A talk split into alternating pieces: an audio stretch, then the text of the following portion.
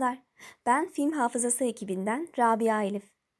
What Did Director Do serisinin bu bölümünde sizlerle bağımsız sinema türündeki Nuh Tepesi filmini konuşacağız. Düşünün, zaman daima ileri doğru mu akar?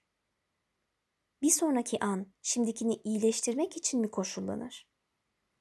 Uzay koşullarında geçerli olan görüş böyle belki. Ancak söz konusu insan bilinci ve bilinçaltının aktarımı olduğunda bambaşka bir evrenin kuralları geçerli. Çünkü sosyolojik çerçeveye girmek, sonra odağımızı daraltıp toplumdan bireye yönelmek, tüm fizik kanunlarını bir kenara bırakıp yepyeni bir dilde konuşmak demektir.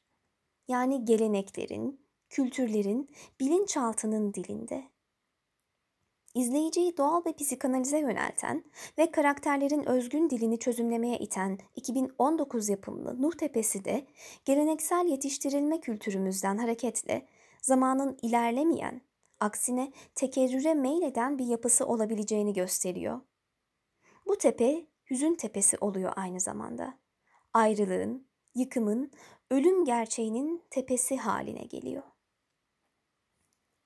Bir baba oğul ilişkisini konu alan yapım bizleri ilk olarak Freudcu bir yaklaşıma yöneltiyor. Fakat baştan sona adım adım tamamlanan portreyle birlikte aslında hayatta oynadığımız rolün bir saatin akrebiyle aynı olduğunu ortaya çıkarıyor. Buradan hareketle filmin senaristliğini ve yönetmenliğini yapan Cenk Ertürk, çıkışsız ve çözümsüz bir zamanın doğal yaşam içinde nasıl resmedildiğini perdeye yansıtıyor. Tüm canlılık faaliyetleri doğumla, doğuşla başlarken Nuh Tepesi ölümle yapıyor başlangıcını. Buna göre Haluk Bilginer'in canlandırdığı İbrahim karakteri uzun süredir geçirmekte olduğu hastalık sonucu hayatının sonlarına yaklaşmış bir babadır. Bir vasiyet olarak Ali Atay'ın canlandırdığı oğlu Ömer'den yıllar önce ayrıldığı köyündeki Nuh Tepesi'ne, tepenin zirvesindeki zeytin ağacının dibine gömülmek ister. Babasıyla bağlarını çoktan koparmış olan Ömer, bu vasiyet üzerine son kez babasını görmek ve onu Nuh Tepesi'ne götürmek üzere yanına gelir. Ne var ki köye ulaştıklarında baba oğul Nuh Tepesi'nin köylü halk tarafından kutsal ilan edildiğini, tepedeki zeytin ağacının da adaklar ve dualar için bir simge haline geldiğini görür. İbrahim, ağacın bulunduğu arazinin kendilerine ait olduğunu, dolayısıyla istediklerini yapabileceğini iddia eder. Fakat köylü, son derece önemli ve dokunulmaz olan bu kadim ağacı İbrahim'e vermek istemez.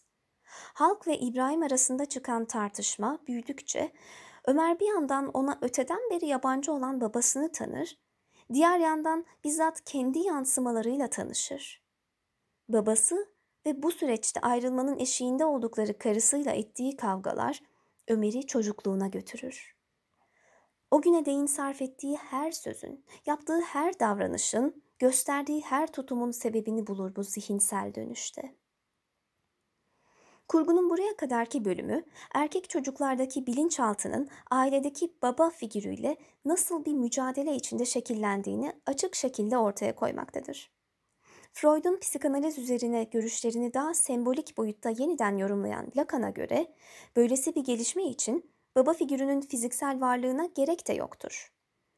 Nitekim İbrahim, Ömer'le annesini terk edip Fransa'ya gitmiş, burada başka bir kadınla kendine yeni bir hayat kurmuştur. Ama fiziksel olarak aile içinde bulunmayışı, babanın çizdiği çerçeveyi silmeye yetmemiştir. İbrahim, babalık yapamamış olsa da Ömer annesinden yansıyan baba nefretinin kollarında büyümüştür bir bakıma. Büyüme döneminde edindiği bu nefret de kendi kişiliğinin şekillenmesini doğrudan etkileyen unsur olmuştur. Babasıyla yaptığı bir tartışma sırasında bunu itiraf eder Ömer. Tüm ömrü bir yana, ölüm döşeğindeyken dahi annesine bir kez olsun teşekkür etmediğini, içindeki tüm şefkate rağmen bile isteye onu üzdüğünü söyler.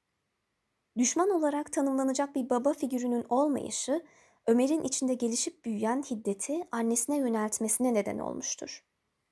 Freud'un noktalanıp Avusturya asıllı psikanalist Melaine Klein'ın obje-birey ilişkileri üzerinden açıkladığı analiz de burada başlar. Klein'a göre bebek yani infant bir görünüp bir kaybolan annesiyle beraber zamanla içsel bir yok oluş korkusu geliştirir.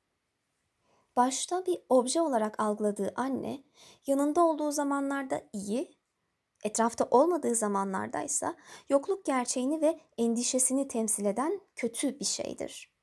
Bebek iyi şeyi benimseyip severken kötü şey için öfke ve hiddet geliştirmeye başlar. Daha sonra bu duygular fiziksel şiddet, nefret, hırçınlık gibi ifadelerle ortaya çıkar.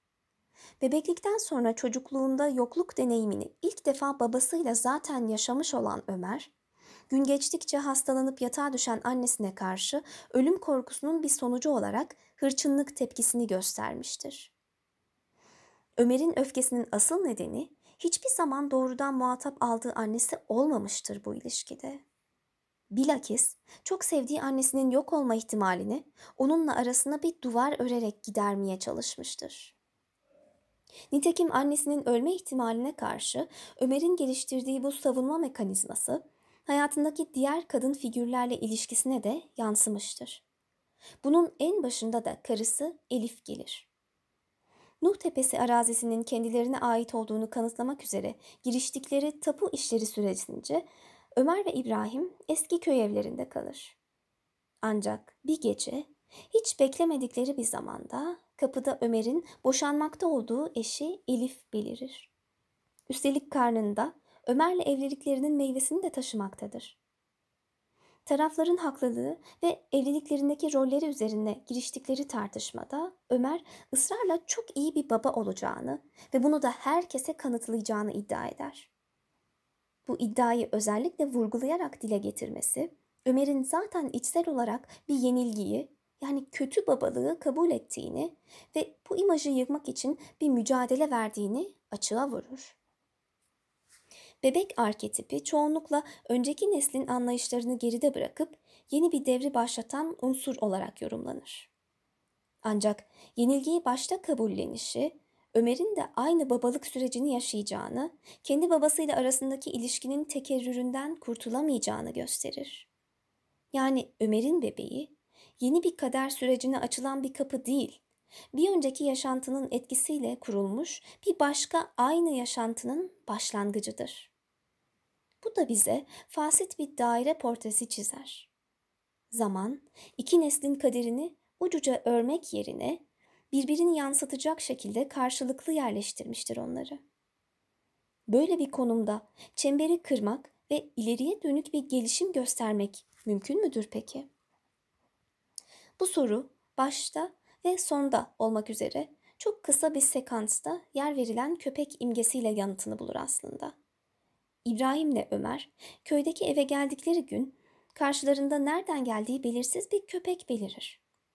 İbrahim köpeğe ilgi gösterir. Başını sevgiyle okşayarak sahiplenici bir tutumla yaklaşır ona. Mit yorumlarında sadakat simgesi olarak nitelendirilen köpek, burada da kaderin sadakati olarak yorumlanabilir.